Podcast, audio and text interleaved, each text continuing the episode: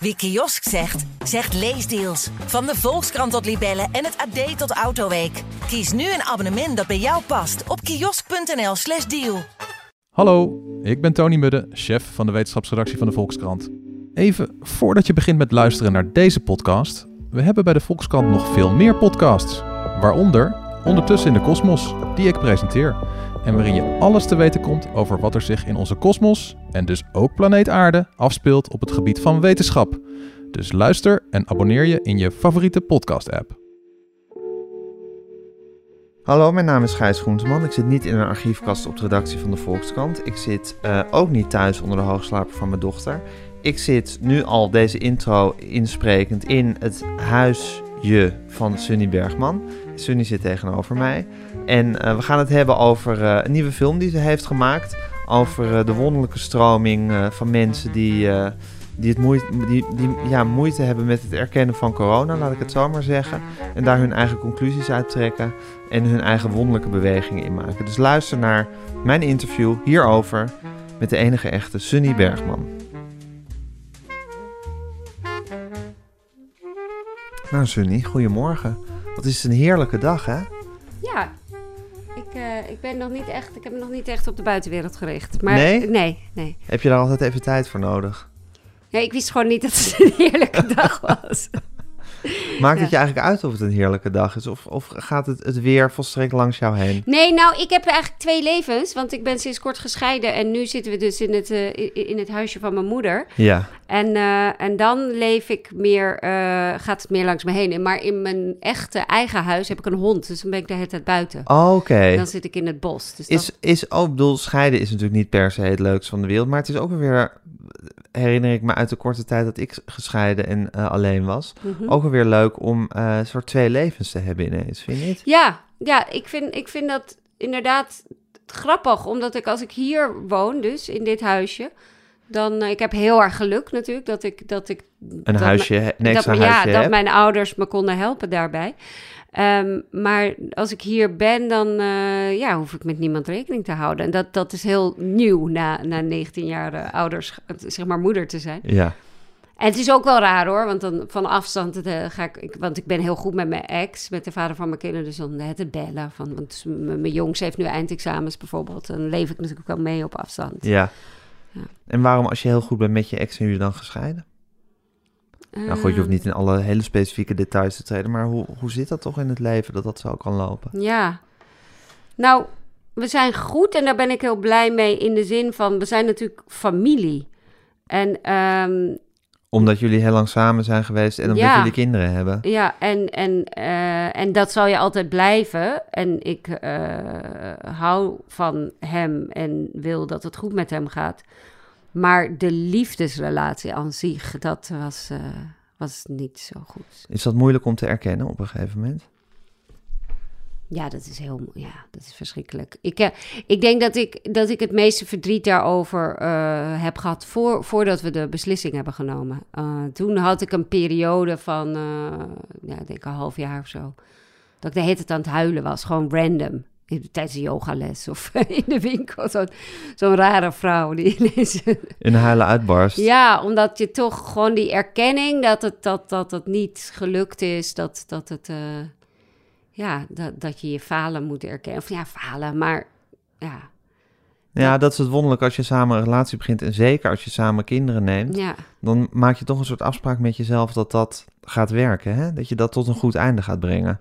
Ja, alhoewel ik wel ik wou gewoon heel graag kinderen. En we zijn ook heel snel zwanger geworden. Uh, na drie weken nadat ik hem heb ontmoet. En ik dacht gewoon, hij is een hele leuke vader. Dat dacht ik vooral. En omdat mijn eigen ouders gescheiden waren, had ik niet zoiets van: ik geloof uh, in de monogamie of ik geloof in uh, tot, tot, tot de dood ons scheidt. Of dat was altijd het grapje van mijn ex: tot de, tot de scheidt ons dood. Maar um, ja, dus, dus ik heb dat. Waar geloof je dan eigenlijk wel in? Waar zit de teleurstelling dan in? Uh, dat zijn twee verschillende vragen. Um, de, uh, nou ja, de, de, de, de, teleurstelling was, zat hem erin dat het contact niet zo was als ik wilde. En dat ik daar heel veel moeite voor heb gedaan natuurlijk met relatietherapie en al die dingen. En we waren wel echt een team. Dus ook vooral de buitenwereld. We waren een soort van instituut voor onze vrienden. Iedereen was altijd bij ons en zo. Dus dat, dat is ook moeilijk, weet je wel, dat je dat uit elkaar trekt. Maar ja, ik vind ons nu best wel een voorbeeld voor uh, gescheiden mensen. Want wij zijn. Hij heeft nu al een relatie met een goede vriendin van mij. En die komen gewoon gezellig eten. En ja, ik hou van dat extended family gevoel. Dus Ja. dan, we hebben niet. eh, Dus eigenlijk zou je kunnen zeggen dat jullie eerst een voorbeeld waren van hoe je een stel bent. Zo van, het is een zoete inval. En iedereen dacht van, nou, die twee hebben het leuk samen. Ja. En zo moet het een beetje. Toen heb je eigenlijk een half jaar gehad dat je nou, dacht van... Nou, wat, ja, maar goed, dat half jaar dat je alsmaar Ja. in huilen uitbarstte. ja. Dat je ineens de, ineens de teleurstelling in jezelf voelde kruipen van... Ja, maar het is toch niet zoals het moet zijn, inmiddels meer. nou ja, ons. dus langer. Wel al echt een lange tijd. Een Maar lange tijd. ja, En nu inmiddels zijn jullie weer aan het bouwen aan een nieuw voorbeeldschap. Namelijk Nou, hoe je gescheiden ouders moet zijn. ik weet niet. We, we doen het natuurlijk niet voor de buitenwereld. Maar Nee, natuurlijk ik, niet. ik vind wel. je doet het voor jezelf. Ja, ik vind wel vechtscheidingen, dat, dat, dat, dat, is, dat is natuurlijk echt de hel. Ja, En vooral met, die, met, met dat, die, dat die kinderen dan zo, nou ja. in allerlei loyaliteitskwesties komen en, en vergiftigd worden van de Ja. een of de andere kant. Ja, en ik bedoel, niks menselijks is ons vreemd. Maar ik probeer me echt in te houden. Niks negatiefs over papa te zeggen tegen de kinderen en zo. En eh, ja, ondertussen heb, eh, ja, heb ik ook weer een nieuwe vriend. En, en ja, dus, dus, dus het is ook... Ja, we gaan allebei verder, zeg maar. Ja, dat moet ook in het leven, Ja, hè, verder ja, gaan. Ja. ja. maar die, die ene huilperiode was eigenlijk de moeilijkste.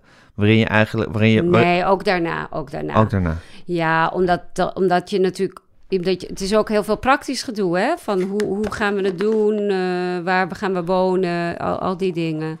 Ik heb nu een... eh, eh, eh, we hebben een, een, een bootje gekocht voor, voor mijn ex. Dus hij woont op een bootje in de tijd dat hij niet bij zijn vriendin is of bij de kinderen. Ja, dus als jij in dit huisje zit, zit hij op een bootje. Precies, ja. ja. Ja, dus het is zo stom dat je ook al die praktische dingen moet regelen. Ja, Ja, en en je wil natuurlijk niet te veel van je leven overhoop gooien. Dus, dus, dus zeg maar het huis moeten verkopen en dat soort dingen, dat is allemaal echt een nachtmerrie. Ja, ja. Ja, het is wat, hè, Sunny, het leven. Ja. Ben jij nog, j- jij bent niet gescheiden, hè? Jij bent... Ik ben wel een keer Oké, gescheiden. maar het is gelukt nu met Aaf. Lukt het? Met Aaf vooralsnog lukt het. Ja, ik- ik, ga, ik ga geen, helemaal geen eh, garanties voor de toekomst geven, maar ik heb goede hoop. Oké. Ja, maar Ja. goed, ik heb natuurlijk ook wel kinderen uit twee leggen. Ja. Ja, dus, eh, dus wat dat betreft ben ik ook geen eh, succesverhaal. Nee, nou ja, wie is dat wel, hè? Ik bedoel, ja, zeg maar het, eh, het eerste gezin waar alles al fantastisch is en, en de Moet nog uitgevonden worden. Precies. Nou ja, en je kan je ook afvragen, wat is een succesverhaal precies? Ja. Ik bedoel, wat, is, wat, moet, wat moet je nastreven in het leven? Heb je daar eigenlijk een idee over? Of wat je nastreeft in het leven? Ehm, oh, god. Ben je eigenlijk een blijmoedig mens van nature? Ja, best wel, ja. Ja, ik ben wel eh, optimistisch. Of ik word meestal vrolijk wakker, dat is het. Ja, ik ben Je wordt heel- wakker met goede zin. En dan Ja. kan het altijd nog tegenvallen gedurende de dag. ik, word, ik heb altijd zin in de dag. Dus de, de, de- je Daar ben je mee gezegend met deze, ja, ja zeker. Met een, met, een, eh, met een vrolijke, hoe noem je dat, demeanor. En natuurlijk heb ik dagen waarop ik eh, me niet fijn voel. Eh, maar ik ben op zich vrolijk. En je vroeg, wat, wat, wat, is, wat zei je nou? Wat je nastreeft in het leven, vroeg ik, geloof ik. Ehm, Ja, kijk, ja, ik heb natuurlijk mijn hang-ups. Een bepaalde innerlijke kalmte zou ik wel wat meer he- willen hebben. En mi- mi- minder verslavingen. eh. ik, heb, ik heb niet zoveel verslavingen, maar ik heb bijvoorbeeld wel... dat ik wel graag een jointje rook aan het eh, einde van de dag. Ik heb niks met... drink niet, maar wel dus blowen. En dat soort dingetjes. Maar dat, dat zijn meer... Ja, Is dat niet ook juist een verslaving die je dan een beetje moet koesteren? is waarom? Heb jij verslavingen? Ehm, vast wel. Vast wel. Ehm, maar ik denk ook van, het is, het is ook wel heel lekker om jezelf een heel klein beetje te verdoven. eh, af en toe. Ja, maar het is natuurlijk wel, er is wel een reden.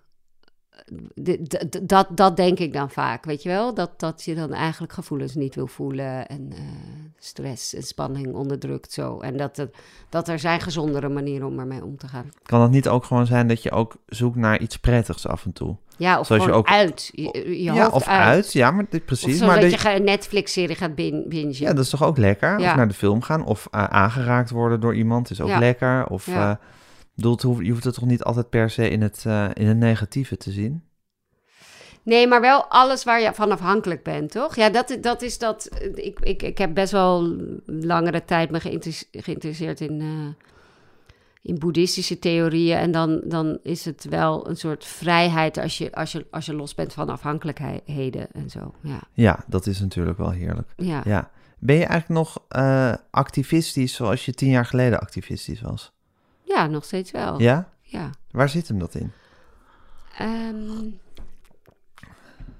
ik denk dat de activistisch zijn eh, eh, eh, wel een beetje een, een, een instelling is van als er iets gebeurt dat je denkt, wat kunnen we daaraan doen gelijk? Dus gelijk in dat handelingsperspectief gaan.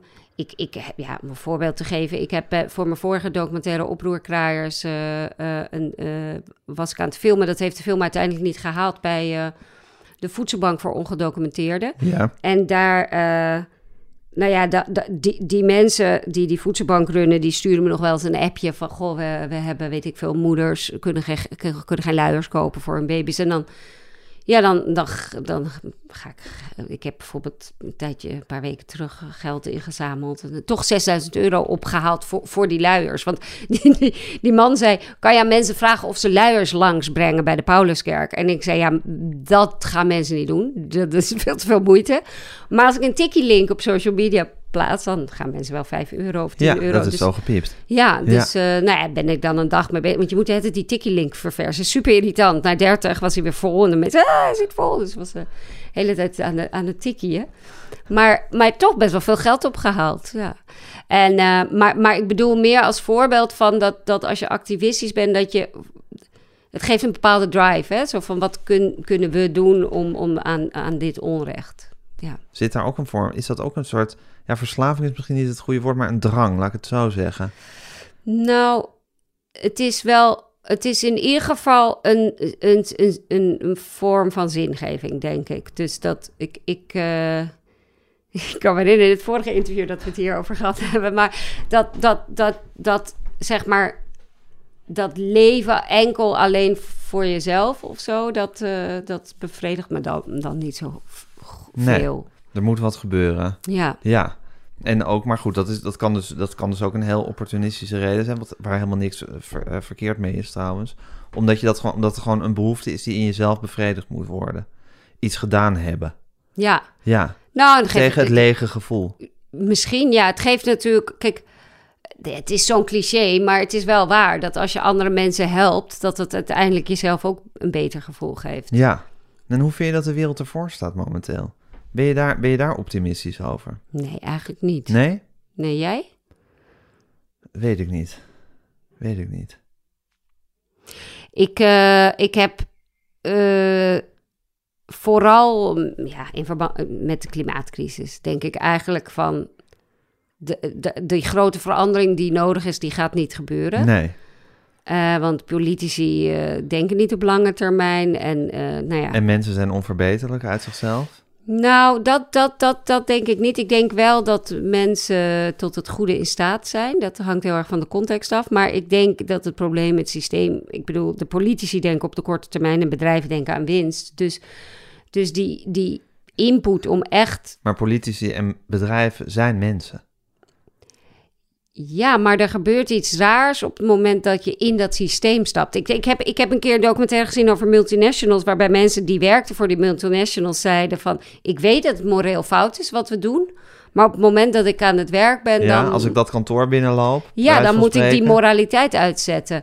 En, en ik, ja, ik denk dat er een soort van totale massapsychose of zo gaande is... waarbij mensen zichzelf toch voor de gek houden... dat, eh, ja, dat het goed is om die PR-baan bij Shell eh, te hebben... en te denken dat je aan eh, green eh, dingen doet... als je voor elke tank één boom plant. Maar ik ja, dus daar ben ik heel negatief over, omdat de prognoses natuurlijk zijn binnen vijf tot tien jaar ja, reizen de problemen de pan uit. En dan, Ja. dan hebben we de situatie dat vooral in de, in de, in de armere delen van de wereld de mensen natuurlijk massaal op de vlucht zullen slaan. En ja, en, en, en hoe we nu zien al de opkomst van fascisme extreem rechts zal dan natuurlijk alleen maar eh, erger worden in de westerse delen van, van de wereld. Ja, maar wat jou eigenlijk frappeert, of wat je, wat je, wat je fascinerend vindt aan mensen, is inderdaad die, massapsy- die massapsychose, zoals je het zelf noemt. Waarin mensen kunnen stappen om eigenlijk hun, hun gezond verstand tijdelijk uit te schakelen. Omdat het systeem, omdat er iets groters is dat dat van ze vraagt. Ja, ik, ik denk wel dat wel veel van mijn werk...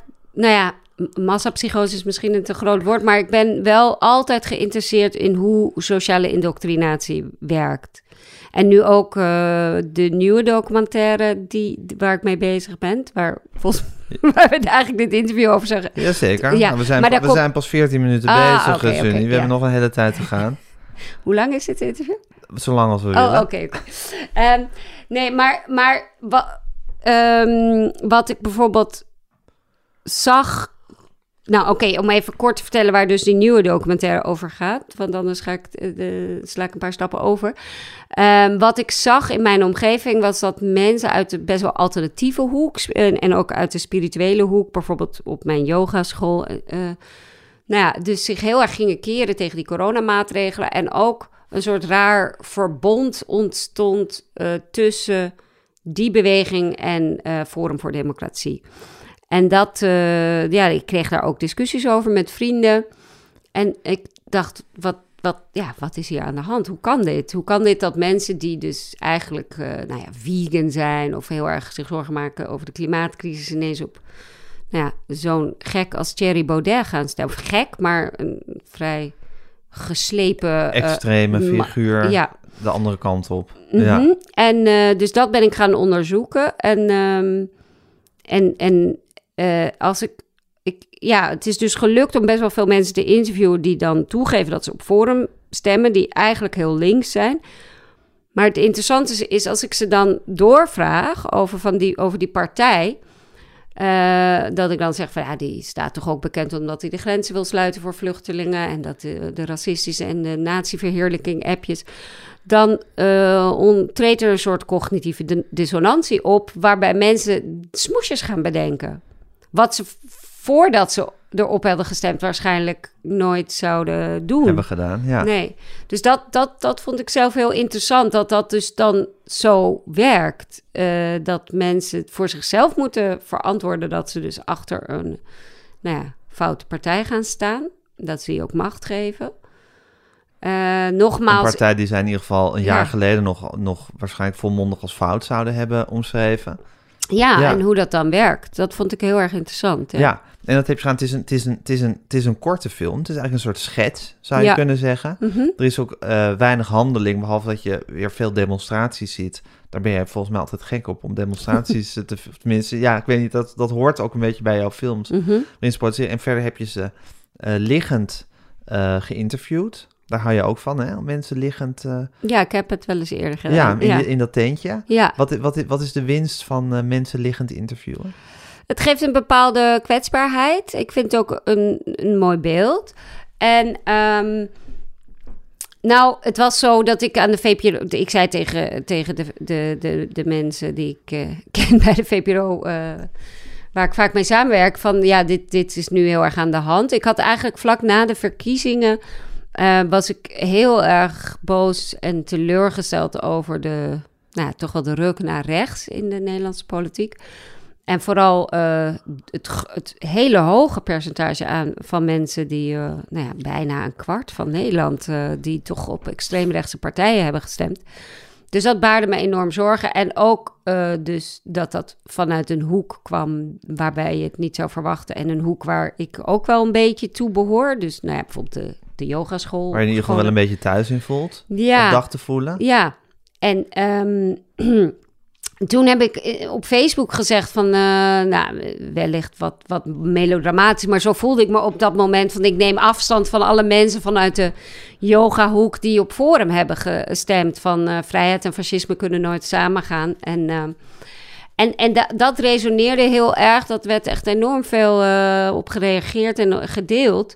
Dus toen zei ik bij de VPRO van, ja, dit, dit is heel erg aan de hand. En toen kwamen er ook nou, best wat, wat stukken werden erover geschreven. Alleen, ik vond zelf niet dat mensen goed de nadruk op het gevaar van dat extreem rechts, dat verbond tussen eh, tegen coronamaatregelen zijn en ook dat extreem rechts eh, die daarop insprong. Ehm, dat werd niet zo veel gelegd. En toen eh, zei de VPRO, nou, je kan wel wat maken, maar dan moet het wel snel. Want het is heel erg nu. Ja, En dat vond ik eigenlijk wel leuk, maar dan als snel betekent ook geen fondsen. Dus het moest, nou ja, voor weinig geld.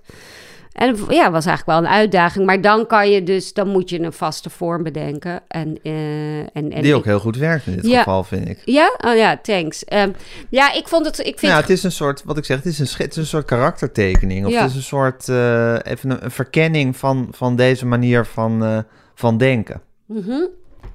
En, en, en hoe we dat dan doen, we hadden we, eh, Tamara Vuurmans, met wie ik veel samenwerkte, die zei, waarom leg, eh, dus het was haar idee, zij zei, waarom leg je mensen niet op een yogamatje?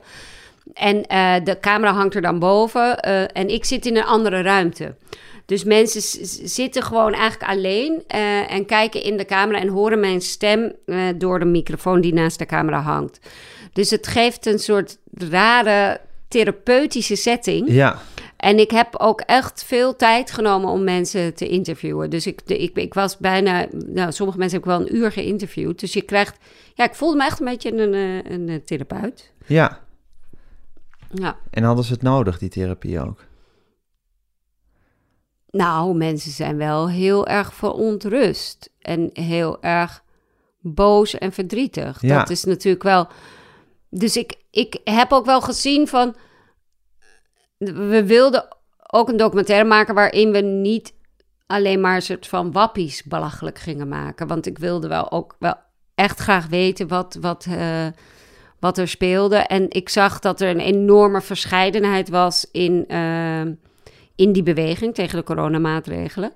Want ik weet wel bijvoorbeeld dat, dat, dat eh, op een gegeven moment ging mijn zoon ook naar de museumplein om te protesteren tegen de coronamaatregelen. Het was toen de avondklok net was ingevoerd en hij had gewoon zin in een verzetje en hij was tegen de avondklok, want welke jongere was Want dat hij had niet? zin in een verzetje. Ja, precies. Dus en ik zo, want, want eh, mijn eh Mattie eh, JC Veldhuizen, die voor bij één in de, in, de, in de gemeenteraad zat, die zat natuurlijk wel zetten op Facebook van de fascisten op het museumplein, als je daarbij gaat staan. Dus ik zo ook tegen mijn zoon van, eh, daar kan je niet bij naast gaan staan, er staan nazi's. En dan zei nou, zijn gewoon eh, een beetje een feestje hoor. Mensen staan te dansen en er zitten allemaal krakers en zo. Dus ik zat van, huh, ik- error, zeg maar. Mijn wereldbeeld Ja. eh, raakt in. de- Dus dat, dat, dat, dat vond ik interessant om te zien. Dat er, zeg maar...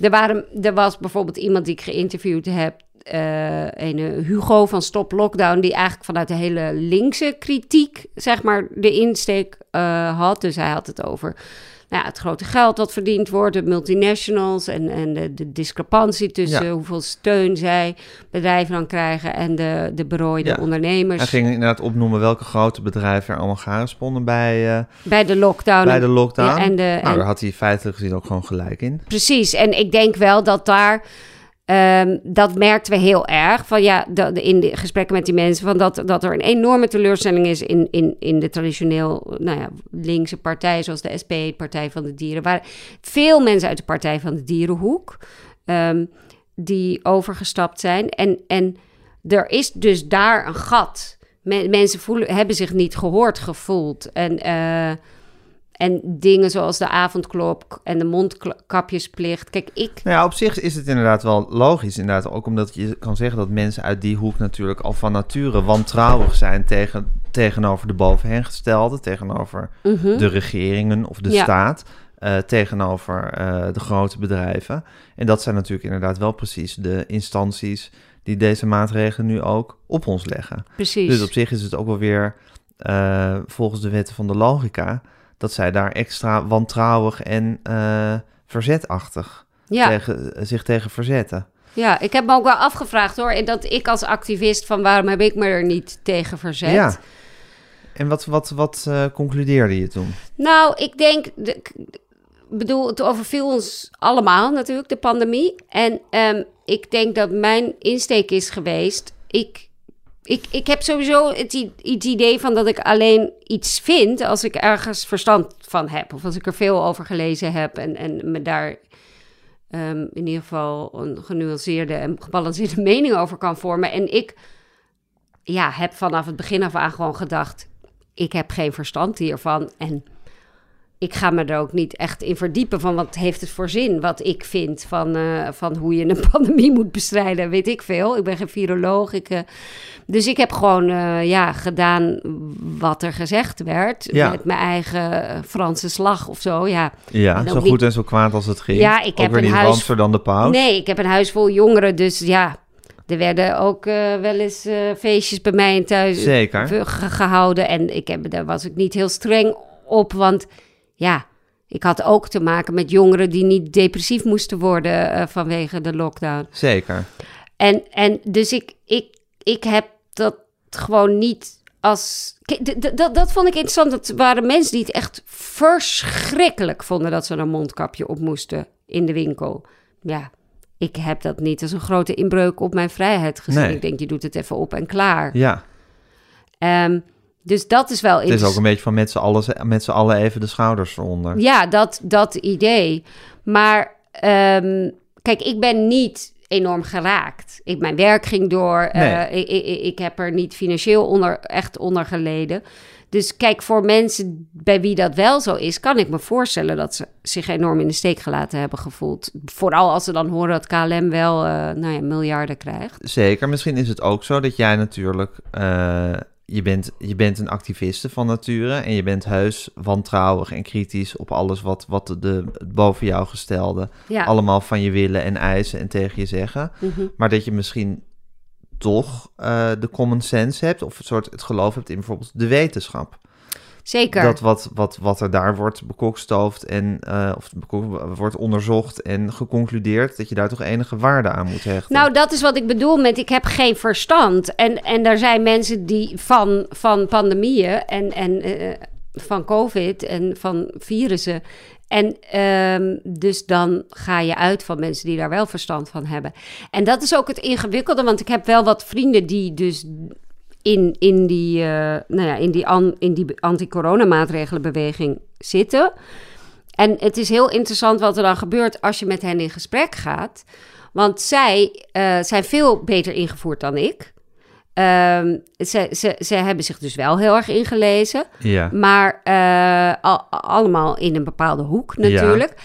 En dan, en dan beginnen ze met mij een discussie over vals negatieve PCR-testen en cyclussen van, van, van virussen. En I don't know. Weet je? Nee. Ik, ah, ik weet niet eens wat ze zeggen. Nee. Ehm, dus dan, dan, dan denk ik van... En dan zegt ze van... dan- ja, ik stuur je wel allemaal linkjes. Dan moet je een dertiendelige documentaire kijken... over ontslagen werknemers bij Ja. Pfizer... die je gaan waarschuwen over... Dus Die ook weer door- uit een bepaalde hoek gemaakt is, die documentaire. Ja. Nou, en het probleem is, daar heb je natuurlijk geen zin in om die 30 Nee. delen. Want ze zijn ook heel slecht, vaak. Met verschrikkelijke muziekkeuze en, monta en montage. Dus, dus je kijkt dan niet die 13-delige documentaire. En, en vervolgens kan je dat gesprek niet aangaan, want eh, eh, zij citeren andere bronnen dan, dan jij. Ehm, en dan denk ik, ja, om echt er verstand van te hebben, dan moet ik alles lezen wat zij hebben gelezen. En dan ook in de wetenschappelijke literatuur duiken om te zien of Om dat tegengeluid weer te precies horen. of dat gedebunked wordt. En ja, daarvoor boeit het me Nee. ook gewoon niet genoeg. Nee, en, en, en, en, uiteindelijk wordt het argument toch ook vaak gebruikt, eh, hoor ik, van mijn gevoel zegt dat het niet goed is. Nou, er zijn, vers, ja, er zijn, kijk, de, de, er zijn dus mensen in, in de, die tegen de coronamaatregelen zijn, die, eh, die, die uit de spirituele hoek komen, die inderdaad zeggen, mijn intuïtie zegt dat het niet goed is, want gezondheid eh, is gebaat bij knuffelen en buiten zijn en samen zijn. Ja, Wat op zich natuurlijk wel waar is. We, worden gezonder als we geliefd zijn en, eh, en, en niet alleen zitten. Ehm, maar dat is dan niet super wetenschappelijk onderbouwd of zo. Dat, dat, dat is dan.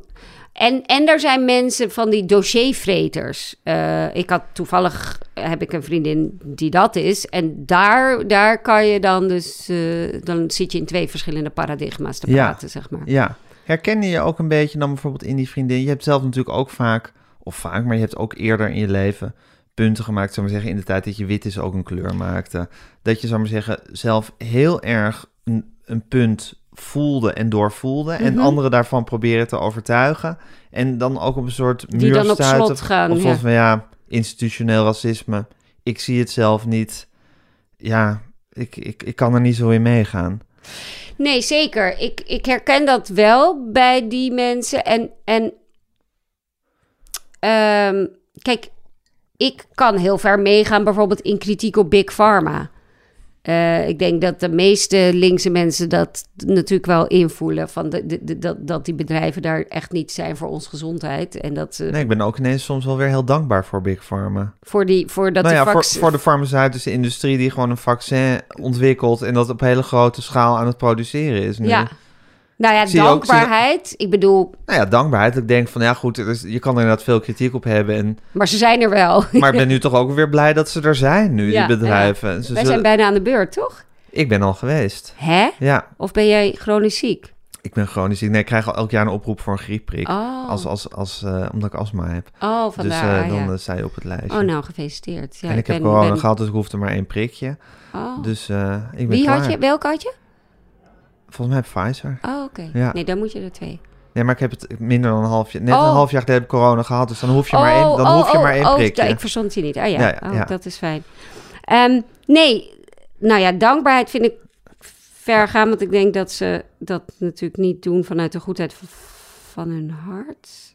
Eh, uit, maar, maar ehm, Nee, maar je kan toch ook dankbaarheid, dankbaar zijn voor... Of, ja, dankbaar is misschien een raar woord, maar gewoon dat ik denk van... Nou ja, het heeft ook zijn voordelen. Dat, Zeker. dat er een farmaceutische industrie is, dat die heel veel geld willen verdienen... en dat die daarom nu als de wieden weer gaan aan de slag zijn gegaan... Precies. om een oplossing voor dit probleem te vinden. ja. Nee, dat is waar. Dat, Ja. is, dat is gewoon waar. Maar, ehm, Maar goed, als je het ziet als, als je die pandemie ziet als een verzinsel... en juist als een complot van die farmaceutische industrie... om dat geld te kunnen verdienen... dan snap ik wel dat je niet zo dankbaar bent. Nee. En kijk, er is. Ik zie dan toch meer de, de, de, de, de- ja, de patenten en de manieren waarop ze arme mensen en arme landen uitsluiten. Weet je, dat soort dingen bedoel Ja. ik met kritisch zijn naar Absoluut. Big Pharma. Ja, Maar inderdaad, de, de, als je met mensen praat die dus, dus eh, in down die rabbit hole gaan, dan, eh, dan geloven ze op een gegeven moment niet meer dat die pandemie bestaat. En eh, het is gepland en het, is, en, en het uiteindelijke doel is een soort van eh, totale onderdrukking van de mensheid en het verdwijnen van onze privacy en eh, een soort systeem als in China, waarbij je een modelburger moet zijn. eh, eh, en, en als je dat niet bent, dan word je uitgesloten. ja. En dat is natuurlijk op het moment dat er een vaccinatiepaspoort komt en dat mensen uitgesloten worden van activiteiten. Kijk, er zijn bepaalde dingen die kloppen dan. En dan, maar, maar er, het wordt soort samengeweven. En dat, dat is het interessante daaraan. Want ik ben, ik, ik, ik, ik, ben al lang in. Ik ken heel best wat mensen die in complottheorieën geloven al twintig jaar. Ik ben op een gegeven moment in die complottheorieën rondom 9-11 gedoken. Er zijn heel veel valide punten. Dus ehm, alleen er wordt een samenhang gesuggereerd die, Ja. die, die, waarvan ik denk, dan, dan overschat je de mensheid ook. ja. Zeg maar, om, om echt En dan ontken je de chaos ook een beetje precies waar we in leven. de, de, de, de toevalligheid en, de, en ook de incompetentie. Want om een echt complot goed uit te voeren, moet je natuurlijk ervoor zorgen dat niemand gaat lekken. Dat er ook geen mol is en zo. Dat, dat lijkt me vrij eh, uitzonderlijk.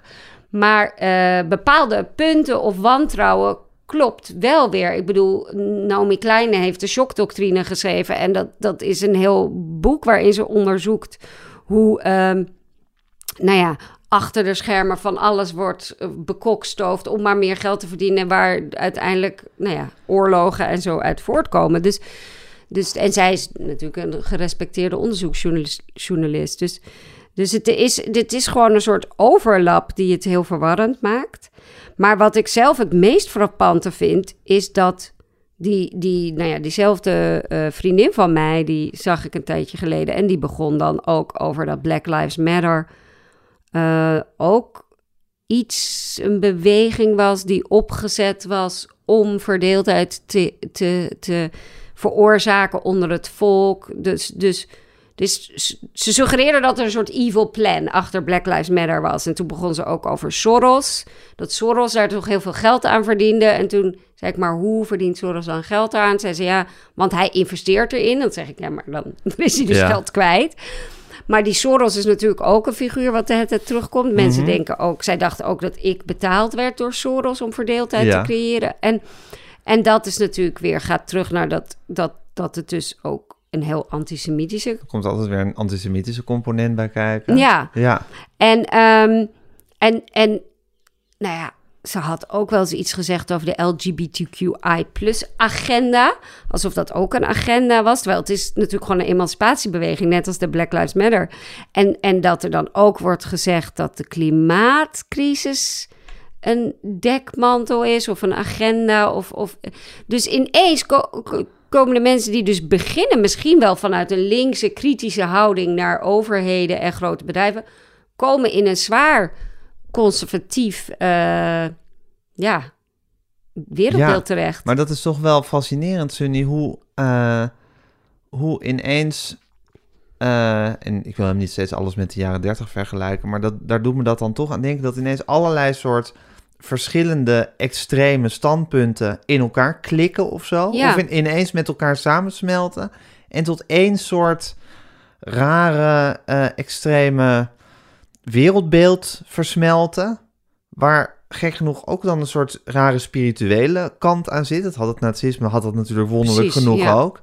En ook heel eh, agressief. Ja, want je zegt dat nu in één bijzin, maar ik heb dan nu door dit onderwerp wat, wat meer over gelezen. Was niet, zat niet voor aan mijn bewustzijn van dat de nazi's ook in het occulte en, eh, en het, het spirituele geïnteresseerd waren. Maar dat is wel interessant, dat, Ja. dat die link er toen dus al was. En ook als je kijkt naar de antroposofie, ik bedoel, Steiner was natuurlijk van de rassenleer. Dus er is, er is een kant in, in, in die hoek, zeg maar, die, die daar dus blijkbaar bevattelijk voor is. En ik, ik, ik herinner me ook wel, ehm, ik weet dat ik, want ik ben altijd nou ja, geïnteresseerd geweest in eh, spirituele stromingen en heb veel zelf ook eh, nou ja, aan yoga en meditatie gedaan.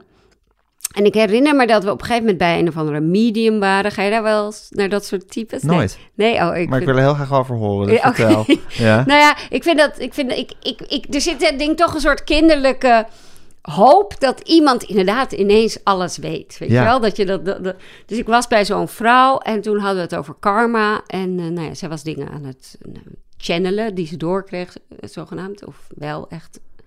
Maar. ehm, dus, en ik was toen net naar Rwanda geweest. Het was een jaar na de genocide. En toen was, moest ik daarheen voor mijn werk. En, en we hadden het over karma. En ik zei van ja, dat is gewoon mijn grote issue met karma. Is dat we dat soort. Eh, nou ja, dat we alsof het bijna een soort blaming the victim is. Hè? Zo van jullie hebben dat te wijten aan je vorige leven. Waarin je. En dat kan je natuurlijk toch niet zeggen over een heel volk. die net een genocide hebben meegemaakt. Ja. En toen zei die vrouw, die, die channeler, zei van ja, maar je moet wel bedenken, de theorie van karma is niet op alle mensen van toepassing, want je moet wel een bepaald bewustzijnsniveau hebben Mhm. om, eh, nou ja, om in, in, in dat stadium te komen van karmische, weet ik veel, wedergeboorte. En toen dacht ik, oké, dat is dus waarin het fascistisch wordt, want dan ga je dus toch zeggen van die mensen daar, die zijn nog niet op dat bewustzijnsniveau. En, en nu... En dat mensen iets verdienen waar ze eigenlijk part nog deel aan hebben. Precies. Ja. Ehm, dus ik, ik heb altijd wel moeite gehad met, eh, met sommige onderdelen van dat gedachtegoed. En ehm, ik, ik, ik, ik, ik, toen, ik toen, dit, nou ja, toen dit een beetje voor het eerst, eh, nou ja, toen ik een half jaar of drie kwart jaar geleden dit zag gebeuren, dus die, die ontwikkeling binnen de spirituele hoek, dat zich tegen de eh, coronamaatregelen gingen keren, dat ik bijvoorbeeld mijn yogajuf, die wees me op die demonstratie van vrouwen voor vrijheid. Dus keek ik naar die livestream, zag ik allemaal mensen die ik kende uit de alternatieve hoek. Van, van vroeger, van feestjes van Ruigoort en therapeuten en zo. Dacht ik, huh? Maar ik zag ook Willem Engel lopen. En ik dacht, oh, Willem Engel wordt nu weer endorsed door Thierry Baudet. Wat is dit voor Wat is het voor een rare mix? Ja, ja en eh Tijn Tauber, die, of Tuber, ik weet niet, hoe, ken je hem? Nee. Nou ja, hij is een spiritual influencer. Er zijn dus heel veel spiritual influencer, dus influencers. Dat wist ik ook niet zo. Maar hij heeft wel 50.000 volgers en zijn bestseller, die heet... eh, oh, dat zou ik niet zeggen, niet reclame maken. maar ik had hem een keer ontmoet, eh, jaren geleden. En toen had ik net al die doodsbedreigingen vanwege mijn activisme tegen Zwarte Piet. En ik vertelde daar iets over. Het was ook een soort yoga-massageavond. En toen zei hij van... eh, ja, maar ja, als je negativiteit uitstraalt, krijg je het ook weer terug. Ja, dacht ik, oh, fuck ja, dit is weer diezelfde soort... ja karma-achtige. Ja, ga- maar ook een soort eh, gaslighting, hè? Ja. Van eh, alles is je eigen verantwoordelijkheid, alles kan je zelf omdenken. En dat, dat, dat houdt dan dus gewoon geen rekening met het feit dat er ook Dat je gewoon een valide punt aan het maken bent. Ja. ja. En ehm, ik ontmoette een keer een, een zwarte eh, vrouw uh, uit Amerika die monnik was in, binnen, de boeddhistische, binnen een boeddhistische stroming. En, en we hadden het over dat de boeddhistische wereld zo wit was. En ehm, nou ja, dat zij dat probeerde aan te kaarten, maar heel veel weerstand. Nou ja, zoals bij alle, bij dat Ja. soort voorbeelden, die weerstand die je dan tegenkomt. En toen zei zij van ja, het ding is... ehm, activisme zonder persoonlijke ontwikkeling, dan ga je eh, verbitterd raken of dan, dan, kan- dan kan je het niet meer aan. Maar persoonlijke ontwikkeling zonder sociale rechtvaardigheid wordt heel narcistisch. En, en dat, dat is wel wat ik veel zie in die spirituele wereld. Dat Ja. ze dus to- totaal losgezongen zijn van een eh, politieke realiteit. En Alleen vast- nog maar gaat over een soort je inner, innerlijke zelf vinden. En weet ik veel wat ik zeg, nu maar wat. Maar goed. ja, jij zit er niet in. Nee, ik zit er niet in. nee. Maar, eh, maar, maar ik kan me zo voorstellen dat Aaf wel naar yoga gaat, of niet? Ja, die gaat wel naar yoga, maar zonder enige eh spirituele... Dat is gewoon puur voor de beweging, zou ik Voor maar het zeggen. sporten, ja. Voor het sporten. Ja, die, nee. zal- die zal je nooit bij een medium vinden. Nee, Nee. nee. Ik, ik, ik ben wel eh, geïnteresseerd ook in nou ja, wat er, dat proces in je hersenen. Want ik heb best wel veel retretes gedaan ook en zo. Maar ehm, Maar het... het, eh, het eh, nou, sowieso wat, wat, wat een beetje het angst... Of wat, wat, het, wat het frappante ervan Mhm. is, vind ik... Is dat er nu een aantal onderwerpen is eh, in de wereld... Dat heb je nu in het buitenland een aantal keer gezien... Maar dat zie je dus nu ook hier in Nederland... Waarin de geesten zich echt scheiden. Zoals je bij... In Amerika had je dan Trump... En dan had je, zou zeggen, de Trump-stemmers en de niet-Trump-stemmers... En dat, dat waren twee standpunten die bijna niet te verenigen waren, ook in het persoonlijke leven, zou ik maar Mhm. zeggen. Als je aan de ene kant hoorde, dan verdroeg je bijna niet mensen die aan de andere kant horen. Ik denk dat je dat bijvoorbeeld met de brexit ook hebt gehad in Engeland. mhm. En nu ook een beetje met het, het, het corona-gevoel. Ik herinner me laatst dat ik met mijn vriend Teun eh, over de Middenweg liep. En er was een, daar zit op een hoek een bakkerij waar ze, eh, nou volgens mij niet in corona geloven, want ze, ze dragen geen mondkapjes. En als je daar met een mondkapje binnenloopt, word je ook een beetje met de nek aangekeken. Toen zei ik van ja, daar zitten echt corona-ontkenners. En toen dacht ik, wat zijn dat corona-ontkenners? Gingen we zo naar binnen kijken, ja verdomd, ze dragen geen mondkapje. En dat is echt zo van, dat, alsof dat tot een soort andere mens ja. soort wordt. Dus je krijgt echt zo'n soort, zo'n soort breuklijn tussen mensen van je hoort bij de ene kant of je hoort bij de andere kant. En die twee zullen elkaar ook nooit echt ontmoeten. Dus dat vind ik eh angstaanjagend.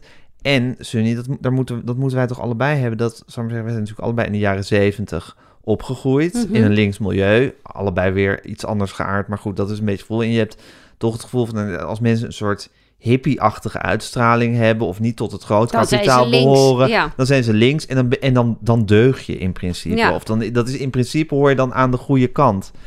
En dat begint nu helemaal te, te veranderen, dat gevoel. eh. ja, dat is bij wel, mij. wel, wel eng, ja. Een soort herijking van, van tot welke mensen je eigenlijk zou willen moeten behoren. Ja, ik denk wel, kijk, voor mij was, was dat afbrokkelen van dat, dat je automatisch tot een goede kant behoorde, zeg maar, was wel al wat langer aan de gang, omdat ik natuurlijk ook in mijn eigen kringen tekeer ben gegaan tegen institutioneel racisme. En ik heb gezien hoe eh, ontluisterend, zeg maar, zogenaamde ons soort mensen, weldenkende mensen hebben gereageerd op, Ja. op, op kritiek, bijvoorbeeld op Zwarte Piet. Eh, maar ook gewoon over bijvoorbeeld de witheid van de media in het algemeen. Dat, dat, dat ook binnen mijn eigen VPRO-kringen daar heel naargeestig op werd gereageerd of defensief. En dat ik, dat ik dus dat idee van eh, automatisch tot het goede kamp wel eh, wat kwijt ben geraakt. Ik denk ook de verbazing over het forumstemmen bijvoorbeeld vanuit die spirituele alternatieve hoek vooral bij witte mensen ligt. Want, want mensen van kleur en zwarte mensen weten al lang dat, eh, dat eh, you never know who you can trust, zeg maar. Ehm, maar het is, het is desalniettemin dat mensen dus die dus sowieso bijna iedereen uit die hoek is bijvoorbeeld ook heel verontrust over het klimaat. Of zijn vegan of de, de, de antifax hoek. Dat is natuurlijk een, een, een hoek waarbij mensen heel erg over biologisch voedsel en, en gezondheid eh, dat heel belangrijk vinden. En, en dat die zo, zo ge- gemakkelijk een overstap kunnen maken naar, naar zo'n partij die je toch wel fascistisch eh, ten dele kan noemen. Ja, in ieder geval fascisten die de neigingen heeft. Ja. Of daar in ieder geval niet heel fel tegen tekeer gaat. Nee, Als ze daarvan worden beschuldigd. dan, eh, dan dat, dat, dat is natuurlijk inderdaad waarbij ik ook die associaties met de jaren dertig kreeg. Van oké, zo, zo Zo makkelijk zijn mensen dus in, een, in een bepaalde hoek te krijgen als ze zich daar om wat voor reden ook thuis voelen. ja, En dan ook nogal snel de rest die daarbij hoort ook omarmen. ja. Alle andere standpunten. nou, het, ze, ze het- distancieren zich dan wel van die standpunten. Ja, maar toch ook een beetje... Ja, ze bagatelliseren het Ja. wel. Ja. Ja, en je, je, je hebt ook het gevoel van... En de volgende stap is dat ze het ook een beetje gaan zitten verdedigen. Nou, daar waren mensen die Er dat waren, gingen- ja. zeker. Er was één vrouw die zei van... ik was natuurlijk voor het opvangen van vluchtelingen... maar ik heb nu toch wel het idee dat ze... Ja, want dat was ook een complot. Ja, dat was Ja. ook ineens een complot. Want vluchtelingen werden gestuurd... slechte vluchtelingen werden dan gestuurd...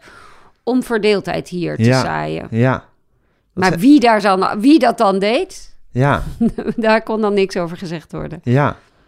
Nou, dat was eng, hè? Eh, dat was eng, maar eng zoals... Nou, het is... eh, de lading is een beetje aan het schuiven, heb ik het idee. Tenminste, het is, je- het is, je hebt nog erg weinig... eh, vroeger hadden we de verzuiling, nou, die was al lang voorbij. Ja, En nu is er al helemaal geen, Houvast ge- geen meer. houvast me- Nee. meer in, in waar je bij moet horen. En ook dat je denkt van ja, hoe makkelijk gaan mensen op drift en verliezen alle logica ook ja. uit het oog. Nee, maar wat jij net beschreef over de twee kampen. eh, eh, los nog van extreem rechts, maar van de mensen die de maatregelen wel volgen en die niet volgen. Dat hebben we inderdaad natuurlijk heel erg gezien het afgelopen jaar. En sowieso merkte ik al van: oké, er zijn. Ik heb vrienden die super streng zijn. En ik had al vrij snel vrienden die nou ja, het allemaal niet zo nauw namen. En ik was denk ik meer richting er niet zo nauwnemers, zeg maar. Ja, je was misschien eh, psychologisch gezien hoorde je bij de streng. Of tenminste, je snapte de strengen. Ja. Maar in de praktijk was je, was je een losse. Ja, maar ik ben sowieso een beetje losjes. Dus Ja. ik vond het gewoon heel moeilijk om niet sociaal bijvoorbeeld te zijn. Ja. Om niet af te spreken, dat soort dingen. Maar ik had altijd het gevoel, we doen wat ja, maar we het verschil, kunnen. het verschil is dan ook inderdaad nog... En dat is dan ook weer het wonderlijk dat het ook inderdaad een verschil is... of je dat dan in huiselijke kring doet. Dat je zegt van, ah, what the fuck, ik ga gewoon wel zes mensen te eten uitnodigen. Omdat het gezellig is. En of je ook heel ostentatief de Albert Heijn inloopt... Zonder en weigert een, mo- mondkap- ja. een mondkapje Ja. eh, op te doen. Dat en dat ook heel erg uit wil dragen van... en ik doe hier niet aan nee, mee. dat van mij is eigenlijk sneakier. Een soort van, voor nou, sneakier. Ja. Het is absoluut sneakier, maar het is ook... eh, ik bedoel, het gaat ook om wat je uitstraalt. En als je gewoon met, je, met z'n allen uitstraalt van... oké, eh, we gaan er Dit wel voor. Dit is toch belangrijk. Vind ik ook wel weer maar- wat hebben. Ja, dat is waar. Maar er was ook een, bijvoorbeeld een man die ik geïnterviewd heb... voor, voor de do- documentaire Samenzwevers... die zondag 30 mei op tv komt. Ja. Maar ehm, die dan zei van bijvoorbeeld het mondkapjesbeleid. Eerst werd er gezegd, het werkt niet. Daarna werd het ineens verplicht eh, op bepaalde plekken. En we geloven er eigenlijk niet in, want iedereen heeft een viezig mondkapje in zijn zak zitten... waarvan we weten, dat is eigenlijk niet wat je hoort te doen... want je hoort het te verversen. En we doen het op, want het moet. Ehm, en, en, en hij was dan daarin consequent. Hij zei van ja, als we eigenlijk, als er zoveel discussie is over of het werkt of niet, en we doen het eigenlijk niet goed, waarom doen we het dan? En toen dacht ik, ja, daar heeft hij wel een punt, want ik heb ook dat viezige mondkapje in mijn in mijn zak zitten. Ik doe ook niet zoals het hoort. En ik denk dat steeds minder... Ik, weet- ik had wel vriendinnen die 18 mondkapjes hadden... en die de hele tijd aan het wassen waren. En die, zijn, die hebben nu ook nog alleen maar een viezig mondkapje in hun jaszak. Dus we, we verslonzen ook enorm. Het is ook een symbool natuurlijk. Ja, En je hebt het mondkapje ook niet om jezelf te beschermen... maar om de ander te beschermen. Nee, maar dat- als het dus niet werkt... Nou ja, nou ja goed, daar, is, dat, dat, daar, zijn, daar zijn ze het niet over eens. Nee, In precies, Nederland, of nee. tenminste bij Jaap van Dissel, bestaat het, het sterke idee dat het niet werkt. Maar daar zijn anderen het, het helemaal niet mee eens. Nee, Dus better safe than sorry zou je dan ook nee, precies. Ik En het gaat om dat als je kucht, dat je niet, dat je minder, eh, verkucht. mi- ja, minder, minder deeltjes de lucht Ja. in, eh, in, in, in gooit. Nee, en het is ook gewoon niet moeilijk om het op te zetten. Ja, de vraag is een beetje, kijk, eh, nou, ik, ik, ik eh, hou mijn vingers gekruist en hoop dat, dat, dat we, weet ik veel, wat over een half jaar misschien een beetje verlost zijn van deze pandemie. Mhm. Mede met dank aan de farmaceutische industrie en de wetenschap die gewoon dat prikje heeft, heeft eh, En de uitgevonden. En de, ja, goed. En de mondkapjes eventueel. Eh maar die hoeven dan misschien niet meer op. Dat zou Mhm. heerlijk zijn, want het is natuurlijk ook irritant. Ja. Ik vind al die pijlen op de grond ook irritant. Want die perspeksplaten vind ik ook irritant. dat ik niet naar het concertgebouw kan, vind ik verschrikkelijk. Maar goed, dat, dus dat, al- dat dat allemaal voorbij is, wie weet. Ja. Maar krijg je die geest weer in de fles? Van die mensen die, die, die, die op hol geslagen complottheorieën... Nou, ik ben wel heel benieuwd wa- wat zij dan gaan doen Ja, als die lockdown voorbij is, waar ze dan tegen gaan protesteren. Ja. Want ze, want dat wantrouwen is natuurlijk nu zo hard Ja. aangewakkerd. en het, zijn, het is ook best wel een grote groep mensen. Ehm, want ja, ik denk, Ja, en ik denk dat, dat het mensen- zeker wel drie, vier zetels van Forum daaraan te danken Al zijn. minstens dat. Plus dat ik ook het idee heb dat los van of ze, of ze iedereen helemaal tot hun kamp bekeerd hebben, dat ze wel heel veel twijfel hebben gezaaid alleen al bij mensen. Ja, en er zijn die nu ook niet weten of ze allerlei... het vaccin willen nemen en Ja. echt niet weten of het nou allemaal zo erg is. En, En bewust die weten. desinformatie eh, die verspreid is. Hè? En dat, kijk, dat heb ik met mijn documentaire niet kunnen uitzoeken. Maar bijvoorbeeld, eh, ik sprak vanochtend met een journalist van Follow the Money. Die zijn daar ingedoken om meer te kijken naar die geldstromen. Welke belangen spelen daarachter? Het is, eh, ik denk van dat, dat, dat is het echte complot wat we moeten uitzoeken. Van hoe, wie zit erachter? eh die desinformatie die verspreid wordt. Welke geldelijke belangen zijn er? En ehm, ja, wat is het gevaar Ja. daarvan? Want de AIVD zegt natuurlijk nu ook... extreem rechts wordt steeds gevaarlijker. Ik, ik, ik, ik, ik vind het ook eng voor, voor mezelf. Ik heb wel wat moeite gedaan wederom... om mezelf wat moeilijker vindbaar te maken nu.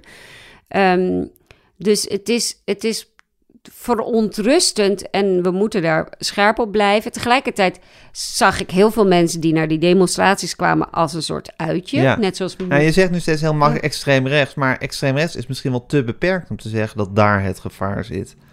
Het, is misschien, het zijn misschien de complotdenkers. ja. Of de mensen met het, het diep gewortelde wantrouwen tegen alles.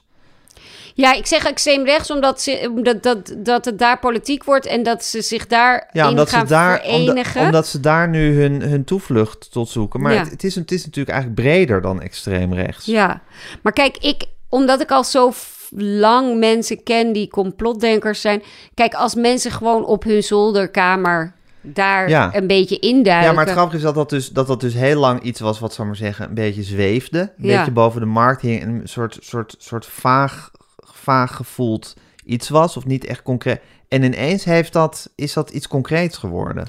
Ja, ik heb ehm, eh, Koen van de Groene Amsterdammer, ik weet even zijn achternaam niet meer geïnterviewd. Hij heeft veel onderzoek hier naar gedaan. En hij vond ik wel leuk wat hij zei.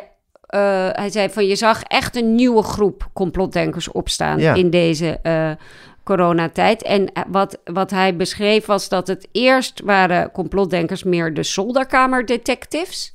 Vaak man, wat ouder, echte dossiervreters Ja. die dan in, in de MH17 of in 9-11 Mhm.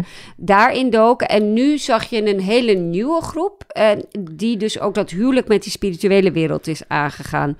En daar zijn allemaal influencers die dus eigenlijk minder gedegen onderzoek doen, maar wel zich beroepen op, nou ja, dezelfde... Ja, ik heb gelezen. Ja, en, Op en internet staat. Ja, en, En- het zit op heel concrete onderwerpen, namelijk die pandemie.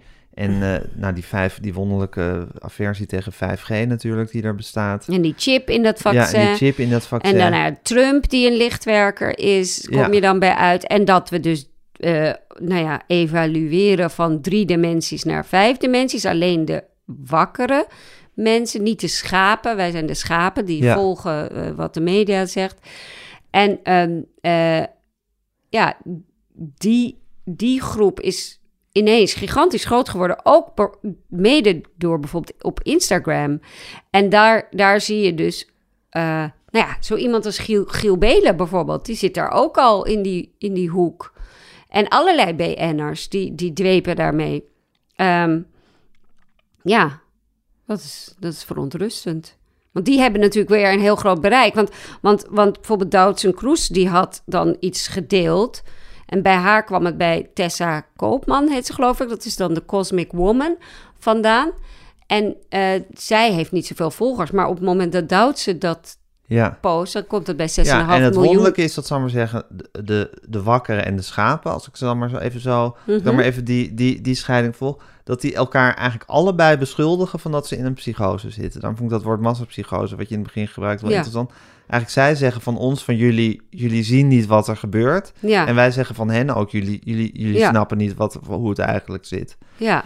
Ja, het zijn... En, en wat jij eerder in het interview zei, dat is wel waar, omdat eh, dat, dat, je ook, dat het ook herkenbaar is. Want ik heb natuurlijk ook heel vaak het gevoel van mensen, word wakker, Ja, je wilt zien wat er gebeurt. Ja, Ehm, eh, we, Ja. we, we zitten in een seksistische, patriarchale, onderdrukkende, racistische wereld. We moeten hier tegen in opstand komen. En dat gevoel hebben zij natuurlijk ook. ja, ja. Van- ze van- zien van alles Ja. en ze hebben het gevoel dat wij er blind voor zijn of actief oogkleppen voor opzetten. Ja, want, want die, die, nou ja, wederom die vriendin van mij, die denkt echt dat we dus naar een totale dictatuur gaan.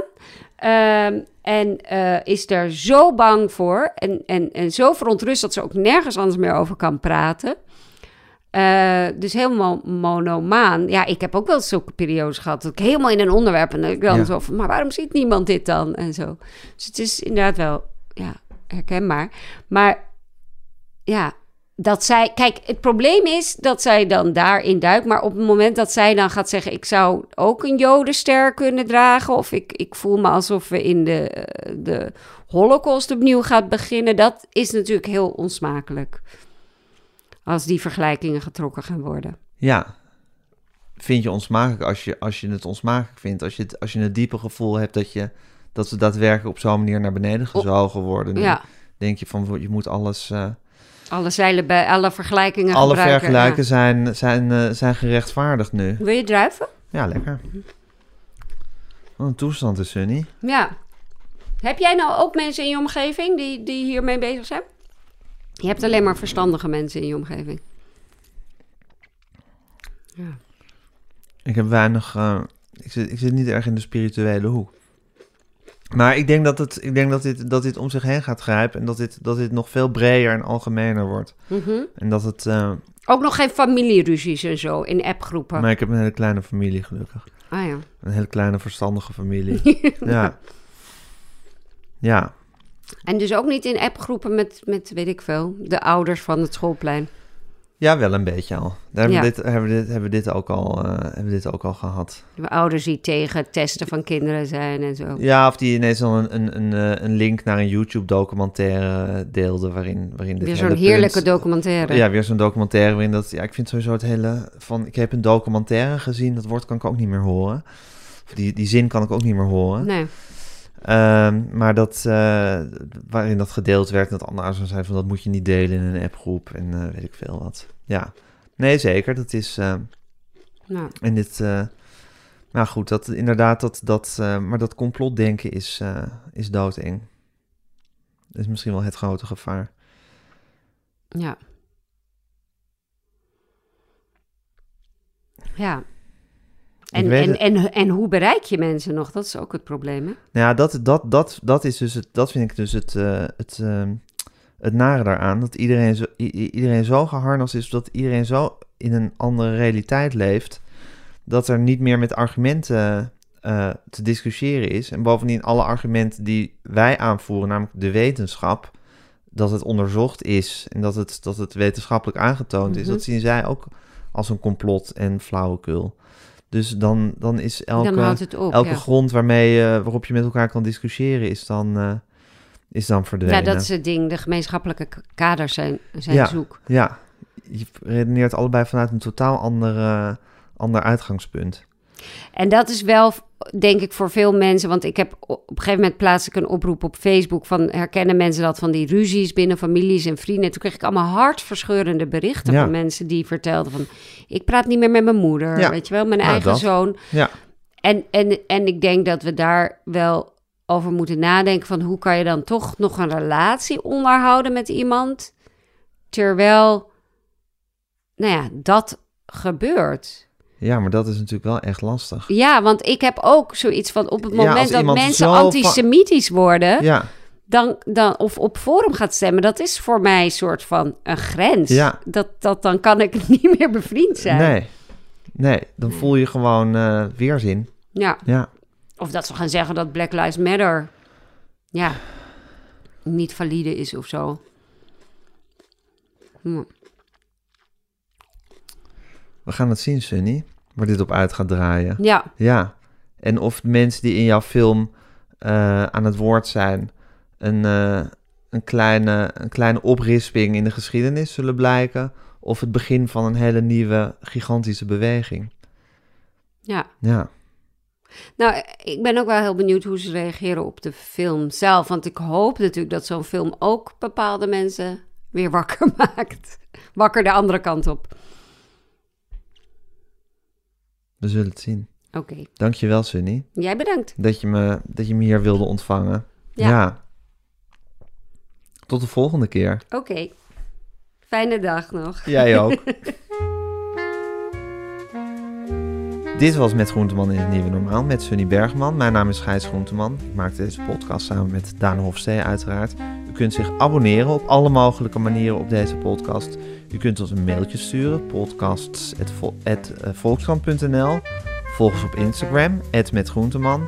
En geef ons, als het, als het kan, lekker veel sterretjes.